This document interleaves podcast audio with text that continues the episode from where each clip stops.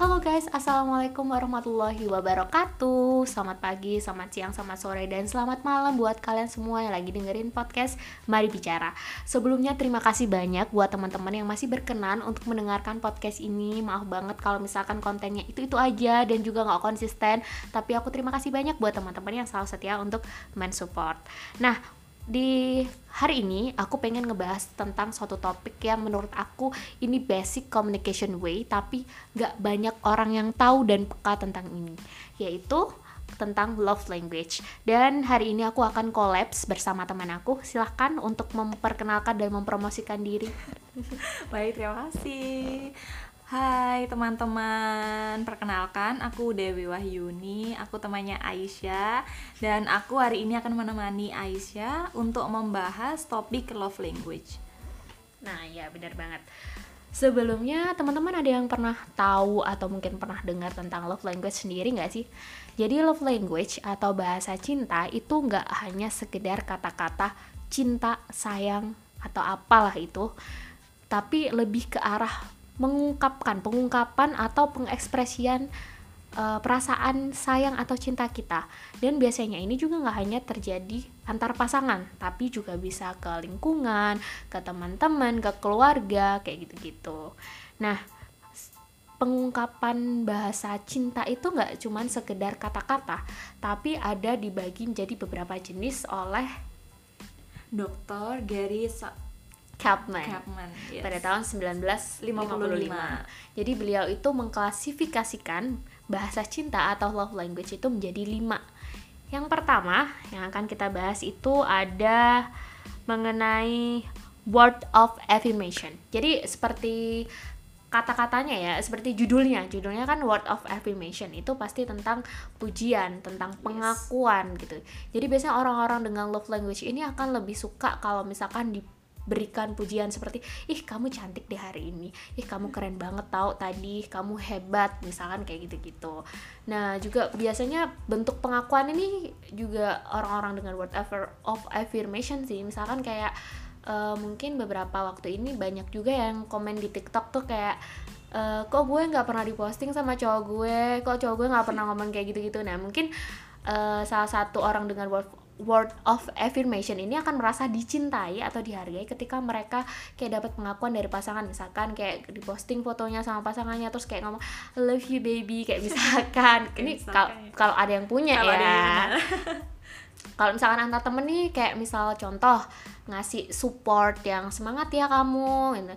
Kamu keren kayak misalkan kayak gitu-gitu. Lebih ke arah sana sih gitu Terus apa nih? Yang kedua, ini ada act of service atau tindakan pelayanan. Nah, ini tuh biasanya orang-orang dengan talk less do more atau apa yes. tadi Dew? Action more than the words. Nah, benar banget. Action more than words. Jadi orang-orang dengan karakter yang lebih cenderung menyukai action atau tindakan daripada sebuah kata-kata aja gitu.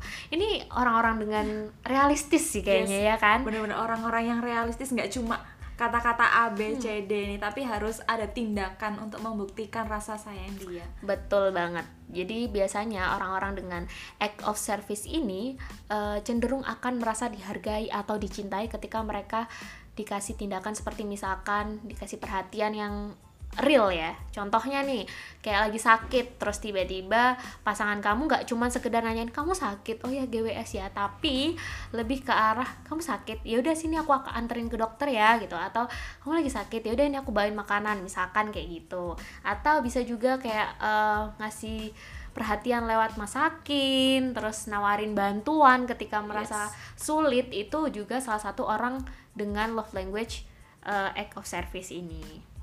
Yes, bener banget. Dan love language ini kan baik lagi ya, nggak cuma buat pasangan, tapi buat teman kamu, buat keluarga kamu, gitu. Next, ada apa lagi tuh? Yang ketiga, ini ada receiving gift atau menerima hadiah. Nah, perlu di garis bawahi juga ya bahwa nggak semua cewek itu matre gitu nggak semua cewek dengan atau orang dengan tipikal receiving gift ini matre karena biasanya orang-orang dengan receiving uh, punya love language receiving gift ini nggak menuntut kalian untuk memberikan hadiah yang mewah atau yang keren gitu tapi lewat hadiah-hadiah sederhana aja orang-orang dengan love language ini merasa sangat dihargai misalkan kayak ngasih tiket ke Mars gitu kan itu Iya. kayak contoh contoh nggak yang bercanda aja sih terus tapi pengen atau misalkan eh, melalui kayak ngasih surat semangat gitu kayak Iya. gitu itu udah dapat feelnya sih Iya. Ya kan? Atau- contoh apa? Iya. contohnya kayak itu film Dilan kalian tahu kan? Terus si Dilan ngasih hadiah eh, yang lain ulang tahun ngasih apa namanya? Bunga Tik- iya, coklat. coklat gitu. Dia ngasih TTS dong itu kan kayak beda tapi dapat feelnya. Biasanya orang-orang yang bisa menilai ini orang kok gini itu adalah orang-orang dengan receiving gift ini. Gitu selanjutnya ada apa nih Selanjutnya ada quality time atau waktu yang berkualitas. Nah, biasanya orang-orang dengan quality time ini akan cenderung suka menghabiskan waktu bersama orang-orang di sekitarnya atau merasa dicintai ketika dia bisa menghabiskan waktu dengan orang-orang yang dicintainya. Biasanya bisa melalui eh, ngobrol, menghabiskan waktu bersama, kayak gitu-gitu deh pokoknya. Em, dan so far ya nih orang-orang dengan quality time ini kebutuhannya adalah diskusi, ngobrol dengan pasangannya. Enggak cuma pasangan sih, dengan teman-teman juga bisa ya tadi. Yes. Eh, dan diskusinya itu nggak melulu tentang sesuatu hal yang intimate, tapi eh, random talk itu juga bisa atau mungkin kalau ya kalau intimate discussion itu memang akan lebih dapat sih sebenarnya Iya, feelnya dengan orang-orang quality time ini. dan orang-orang dengan tipe quality time ini ibaratnya dia dia akan sangat dicintai atau dihargai ketika dia diberikan waktunya atau orang lain memberikan waktunya di tengah kesibuk kesibukannya untuk sekedar ngobrol atau melakukan aktivitas yang sama itu kan tipe-tipe orang quality time Nah, bener banget. Terus eh, yang terakhir nih, ada cycle touch atau sentuhan fisik. Nah, biasanya orang-orang dengan karakter eh, love language cycle touch ini akan merasa dihargai ketika misalkan kayak eh, digandeng pasangan atau temannya, dipeluk, dielus-elus kayak gitu lebih ke arah ya sentuhan fisik Sentuhan lah fisik, gitu. Ya, bener banget. Tapi ya perlu digar- digaris bawahi ya guys bahwa sentuhan fisik ini untuk pasangan-pasangan halal, Halal. untuk orang tua ke anaknya, untuk ke saudaranya, Ke untuk ke teman- temannya, cewek dengan cewek, kayak Cowok- gitu ya. Cowok dengan cowok bisa Kayaknya- juga sih, tapi cuman kayak agak Kayak agak geli gitu ya mungkin. Terus, em, nah dari kelima love language ini kira-kira Dewi itu punya love language apa sih kalau boleh tahu? Oke, jadi sebelumnya kita udah ngobrol ya Ais bahwa dari kelima ini kita punya tiga love language yang sama. Yang di urutan teratas yang pertama ada quality time. Jadi kita tuh sangat merasa dihargai dicintai kalau orang lain bisa memberikan waktunya ke kita. Itu bukan waktu yang lama ya tapi nggak harus lama gitu maksudnya. Bisa aja sehari cuma satu jam. Itu untuk ngobrol atau melakukan aktivitas yang sama. Semisal masak bareng atau nyuci baju bareng. Untuk anak-anak kos-kosan banget ya. Di bayangan gue udah kayak rumah tangga, Bun. Oh, kayak Di bayangan dia kos-kosan. Beda ya ini Oh, servernya beda ya. Bu, kita membentengi diri sih sebenarnya, Bun. Untuk tidak membicarakan rumah tangga karena uh, kita masih belajar juga ya. Bener-bener. Eh, ya bener banget sih. Jadi nggak harus secara intens kayak eh, mereka nge apa ya memberikan waktunya kayak 24 per 7 itu juga gabut banget Iya. orang lagi Kayak nggak ada ngapain gitu. bener. cuman lebih ke arah ya udah kayak sehari lu sempetin kayak 15 30 menit atau satu jam lah paling enggak untuk eh, ngedengerin sekedar kadang cuma sekedar ngedengerin lu cerita atau lu ngedengerin gue cerita atau kita diskusi udah kayak gitu doang. Sebenarnya kebutuhan orang-orang dengan quality time tuh lebih ke arah sana sih.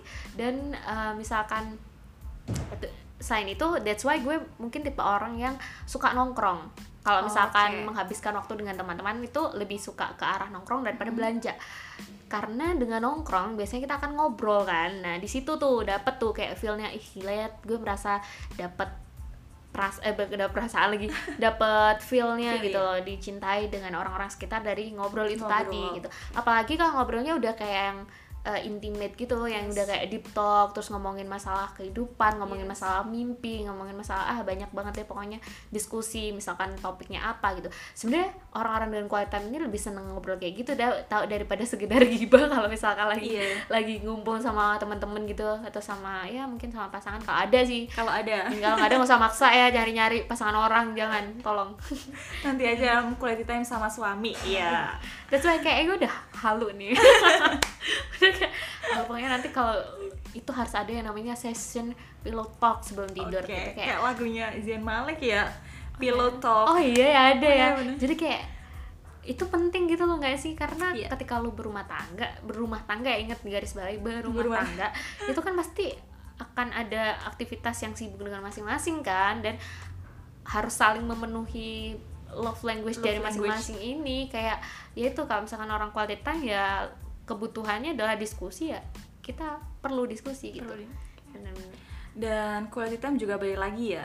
Quality time itu bisa dengan keluarga. Kalau aku nih karena karena aku tiap hari nggak di rumah jadi aku paling seneng itu kalau misal habis dari Malang pulang ke rumah dijemput oh dijemput abahku itu terus selama perjalanan selalu ngobrolin hal-hal masa depan. Selalu nanya eh, abahku selalu nanya, gimana kuliahnya selalu nanya eh, gimana gimana keadaannya sekarang pas kesibukannya apa lebih ke situ sih dan orang-orang dengan tipe quality time ini balik lagi ya nggak harus menghabiskan waktunya dengan liburan Mm-mm. tapi kan bisa men- bisa menyempatkan dirinya untuk bertemu satu sama lain walaupun eh, nggak wa- apa ya walaupun nggak ngobrolin sesuatu yang serius kalau Nah, misal bener, capek bener, bener, nih bener. kalau cuma duduk berdua terus ngobrolin sesuatu yang receh, Receh, atau ya, yang random. apa ya random itu bisa mengobati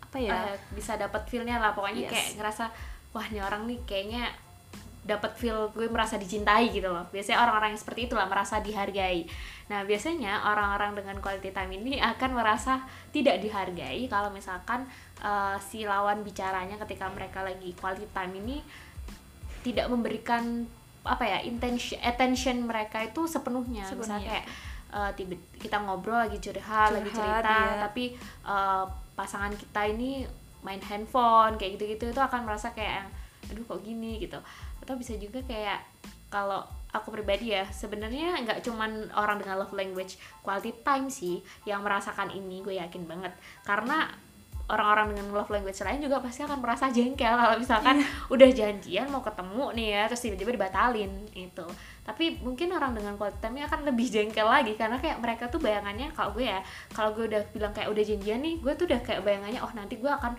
punya waktu yang berkualitas nih sama dia gue bakal ngobrolin ini bakal ngobrolin itu. Tapi ternyata nggak jadi akhirnya kayak yang ah gue merasa kayak nggak dapet nih quality time-nya gitu. Oke, next yang kedua kita punya kita punya tipe love language yang sama, yaitu acts of service, Ya. Nah, untuk tipe-tipe orang acts of service itu mereka sangat merasa dihargai dan disayangi kalau orang lain itu bisa membantu mereka melakukan suatu pekerjaan atau ibaratnya mengurangi beban mereka. Jadi jadi nggak cuma sekedar melakukan bantuan. Kayak misal aku sekarang lagi kita lagi sibuk skripsi. Habis itu ada teman kita atau pacar kita halu ya. Nggak cuma nawarin kayak apa apa ada yang bisa dibantu nih? Atau lagi nyari literatur terus kita lama nggak nemu nggak nggak cuma sekedar semangat ya nanti pasti ketemu. Nah, tapi bener. coba di di downloadin Dicariin. dicariin literaturnya kayak bener gitu. terus kalau kita balik itu tadi kalau kita dari dari Malang nih pokoknya dari luar kota habis itu kita dijemput sama teman atau sama pacar itu kan kita akan merasa sangat wow. Oh gitu ya gitu dianterin gitu misalkan. Misalkan ya. Terus eh, ini juga biasanya orang-orang dengan love language acts of service ini paling suka kalau dipekain. Tapi dipekainnya Oh, tuh harus direalisasikan lewat tindakan gitu. Kayak ya itu tadi benar. Kayak misalkan kita lagi kesulitan nih eh, aduh susah nih nyari jurnal nih. Terus tiba-tiba tawarin kamu perlu bantuan nggak? Nih aku ada nih misalkan. Contohnya kayak gini gini gini kamu bisa pakai mungkin gitu. Ya contohnya seperti itulah. Atau kayak misalkan eh, tiba-tiba dimasakin sama teman kita sama pasangan. Terus tiba-tiba kayak ya dikasih perhatian-perhatian lewat tindakan lah yang kayak aku bilang tadi mungkin sakit tiba-tiba kayak ya udah aku anterin ke dokter kayak lebih ke arah sana sih. Dan orang-orang dengan love language acts of service ini biasanya ti- merasa tidak dihargai apabila eh, ketika orang dengan love language ini butuh bantuan tapi mereka tuh diacuhkan. Kayak atau mungkin kerasa kurang dipekain gitu kali ya. Karena kan orang-orang dengan uh, acts of service ini bisa jadi mereka sebenarnya kurang bisa untuk mengungkapkan gitu loh. Lebih mereka sendiri juga mengungkapkan perasaan bahasa cintanya melalui tindakan, dan Tindakan, otomatis ya. kan jarang juga nih mengungkapkannya lewat kata-kata. Jadi kayak pengennya tuh orang lain tuh lebih peka gitu loh. Ketika orang lain kurang peka untuk membantu tuh biasanya kayak ngerasa aduh kok nggak peka sih nih orang? Gitu. Mungkin kurangnya kurang dihargainya di situ. Tuh dan tipe-tipe orang ini juga dia geng apa ya bisa dibilang gengsi untuk untuk ngomong aku perlu bantuan kayak gitu. Karena itu tadi kepekaan dia itu hanya apa ya ibaratnya cuma batin lah. Nggak bisa bilang ke orang lain kok kamu nggak bisa bantu aku sih? Kok kamu nggak bisa apa namanya nyariin jurnal aku sih? Semisal kayak gitu. Mm, lebih lebih ke arah apa ya ayo dong kamu peka gitu. Aduh aduh susah nih. Susah susah terus nih yang ketiga terus ada apa yang deh ketiga apa nih? Eh, ada receiving gift receiving gift ya benar sorry sorry receiving gift. Eh, sebenarnya siapa sih yang nggak suka kalau dikasih hadiah coba ya kan? Iya. nggak ada manusia yang nolak kayaknya. Apalagi wanita kita kita kan pasti Iya, seneng banget kalau dikasih sesuatu gitu sesuatu yang bermakna. Nggak cuma bunga atau coklat bisa nih ngasih sesuatu yang akan terkenang selamanya gitu. kayak kasus contohnya Dilan ya ya contohnya kayak kasus Dilan tadi dikasih TTS, TTS kan? Gitu. beda banget sama yang lainnya gitu. Ya iya sih benar. Orang dengan receiving gift ini nggak bukan berarti matre ya karena maksudnya kayak kalian tuh harus ngasih tas mewah apalah branded dan lain-lain. Enggak sih lebih ke arah eh, menghargainya itu berarti gini kalau kalian ngasih hadiah berarti kalian mengapresiasi kita gitu. Itu kayak merasa dicintainya tuh titiknya tuh di situ. Wah nih orang inget misalkan ulang tahun nih kayak "Ih, nih orang kok inget ulang tahun gue. Terus misalkan kayak kita uh, mencap ada suatu pencapaian baru misalkan kayak sempro uh, sudah gitu kan. Ih nih orang kok ingat nih orang kok care gitu. Mungkin titik merasa dihargainya tuh ada di situ bukan ke poin nih orang suka sama gue terus uh, ngasihnya yang branded gitu itu enggak sih bukan ke arah barang yang dikasih tapi lebih ke arah uh, wah nih orang berarti care sama gue Care, iya. titiknya tuh di situ lebih ke arah cara dia atau usaha dia ya untuk menyenangkan hati kita dengan Nah, cara betul. memberi hadiah bener gitu. banget kayak gitu nah terus Eh, menurut Dewi sendiri nih dari kelima love language itu ini mungkin gak sih sebenarnya setiap orang tuh punya lebih dari satu love language kayak kasus kita tadi kan ya Iya benar. Kalau menurut aku bisa aja sih. Kar semisal nih, aku yang pertama adalah quality time. Tapi aku juga akan sangat senang nih kalau semisal orang lain kalau semisal orang lain bisa mengurangi beban aku atau edge of service tadi. Semisal orang lain bisa eh, contoh kecilnya turun dari mobil dibukain pintu Nah, kayak iya, gitu. benar-benar. Sangat senang sih. iya Kalau menurut Ais gimana? Iya sih, menurut aku juga sama sih. Sebenarnya kayak eh, ngomongin karakter orang itu kita semua tuh butuh lima limanya ini, cuman mungkin presentasenya berbeda.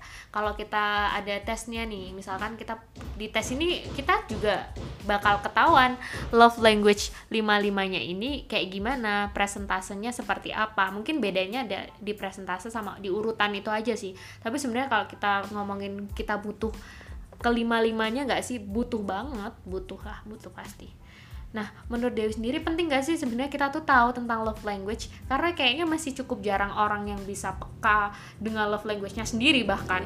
Apalagi bisa peka terhadap love language-nya orang lain. Menurut Dewi itu penting gak sih sebenarnya kita belajar tentang untuk tahu tentang love language ini Kalau menurut aku sangat penting sekali ya, karena love language ini nggak cuma membantu kita untuk menjalin hubungan atau komunikasi ya dengan pacar, dengan teman, tapi juga bisa dengan keluarga. Contohnya untuk orang-orang tua, mungkin di zaman kita orang-orang tuanya tidak kepada anaknya itu tidak banyak yang memberikan pengakuan kepada anaknya. Semisal eh, kamu hari ini sudah berjuang sangat keras. Jadi mama atau papa sangat bangga dengan kamu. Atau mama sama papa sangat bangga dengan pencapaian kamu. Sudah dapat ranking kemudian lulus. Tapi kan untuk orang untuk kebanyakan orang tua sepertinya enggak ya. Lebih orang tua itu lebih ke edge of service. Sedangkan kita sebagai anak mungkin butuh sedikit kadangan pengakuan dari orang tua. Kayak gitu. Jadi penting banget untuk memahami love language. Ya. gitu sih kalau menurut aku Iya benar banget. Jadi sebenarnya kita tuh butuh dari semuanya dan ini tuh juga penting untuk diketahui. Kadang kita juga harus tahu sendiri untuk diri kita itu sebenarnya kita akan lebih nyaman dengan bahasa cinta yang seperti apa sih, pengungkapannya seperti apa. Tujuannya itu tadi biar nggak ada uh, miscommunication. Karena jujur ya di aku cukup sering mendengarkan curhatan dari beberapa teman aku yang ngerasa kayak ih pacar aku kok cuek sih ih pacar aku kok nggak perhatian atau kayak pacar aku nggak sayang nih kayaknya sama aku. Padahal sebenarnya tuh tidak seperti itu. Jadi uh, kadang itu kayak teman-teman gue tuh ngerasa ya itu tadi kayak misalkan pasangannya kok nggak sayang sih sama gue atau ngerasa kurang dicintai sama pasangannya karena sebenarnya bukan karena pasangannya itu nggak nggak sayang atau nggak cinta tapi pengungkapan bahasa cintanya yang mereka tuh beda tapi nggak mau mencari tahu jadi nggak mau saling cari tahu. Akhirnya ya sering banget miskomunikasi gitu. That's why I said bahwa love language itu adalah basic communication way. Dan kita nggak cuman bisa nerapin itu ke pasangan aja sama teman-teman kita. Kayak misalkan kita tahu teman kita mau sempro mau ujian misalkan kayak gitu. Kita tahu nih bahwa pasang eh pasangan lagi teman kita nih tipe-tipe orang yang word uh, love language-nya adalah word of affirmation. Ya udah kita ngasih dia semangat gitu semangat lewat kata-kata. Atau mungkin misalkan kita tahu teman kita tuh uh, punya love language receiving gift. Ya udah kita kasih hadiah-hadiah kecil aja. Yang penting dia ngerasa kayak ih ternyata ada lo orang yang support gue ada lo orang yang menghargai gue ada lo orang yang sayang sama gue. Nah begitu juga dengan misalkan kita tahu teman kita lagi sedih lagi down itu akan lebih mudah kita untuk ngasih tahu mereka bahwa mereka tuh sebenarnya masih punya kita loh yang sayang sama mereka gitu. Dengan cara ya tadi memahami love language dari masing-masing. Yes bener banget setuju setuju banget dengan setuju banget dengan pernyataan Ais. Kita harus memahami love language masing-masing agar nggak terjadi miskomunikasi atau kita hubungan kita malah menjauh nih hmm. karena kita nggak tahu love, love language teman kita gimana keluarga kita gimana pacar kita gimana kayak gitu. Hmm, benar banget. Jadi ternyata penting ya untuk mengetahui love language walaupun mungkin bagi orang-orang tuh mungkin ada orang yang cuman berpikir bahwa ya udah bahasa cinta tuh ya lu ngomong lo sayang sama gue gitu. Ternyata tidak sesempit itu. Luas banget. Luas banget cara kita mengekspresikan perasaan gitu ya aduh ngeri banget nih aduh, aduh. padahal kita kaum kaum jomblo nah, ya. parah banget emang jomblo tuh aduh pelatih tidak pernah bermain harus kalian ingat oke okay, harus diingat para pendengar bahwa pelatih tidak harus bermain hmm. pelatih adalah orang yang pemain pensiun, pensiun. jadi pelatih ini or uh, pemain-pemain yang udah pensiun yang udah kayak ah udah hafal deh sama lapangan tuh kayak gimana iya. ngeri banget nih ya jadi uh, gimana? Dewi ada tambahan lain nggak kira-kira yang mau disampaikan buat teman-teman mungkin?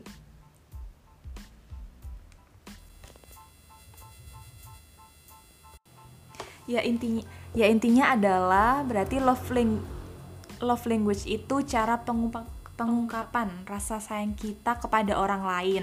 Kalau untuk pasangan eh, bisa love each other every single day. Hmm. Untuk pertemanan walaupun sudah bertahun-tahun tapi tetap keep on touch kayak gitu. Untuk keluarga nih walaupun anaknya sudah di mana, orang tuanya di mana, tapi hubungannya tetap erat, bisa berkomunikasi dengan baik kayak gitu sih. Bener banget sih. Terus juga pengungkapan uh, love language itu bukan cuma sekedar kata-kata, bisa melalui tindakan, bisa melalui memberikan atau meluangkan waktu, bisa melalui pemberian hadiah atau juga sentuhan secara fisik. Jadi general dan luas gitu ya. Yes. Oke. Eh, terima kasih banyak Dewi udah mau nemenin podcast kali ini. Mohon maaf ya kalau misalkan pembahasannya masih ita itu karena kita sama-sama masih Sama- iya. pertama nih, ya nggak Dan pertama belajar sih, masih sih. belajar ya. Jadi terima kasih banyak juga buat teman-teman yang masih setia untuk support di channel Mari Bicara, udah mau dengerin. Bisa banget nih ngasih feedback, nanti bisa langsung aja DM ke Instagram aku @aisamaudia25 dan Dewi Instagramnya apa bisa sekalian Dewi IWAH ya. Ya, Oke, okay. terima kasih sekali lagi buat teman-teman dan wassalamualaikum warahmatullahi wabarakatuh. Waalaikumsalam warahmatullahi wabarakatuh.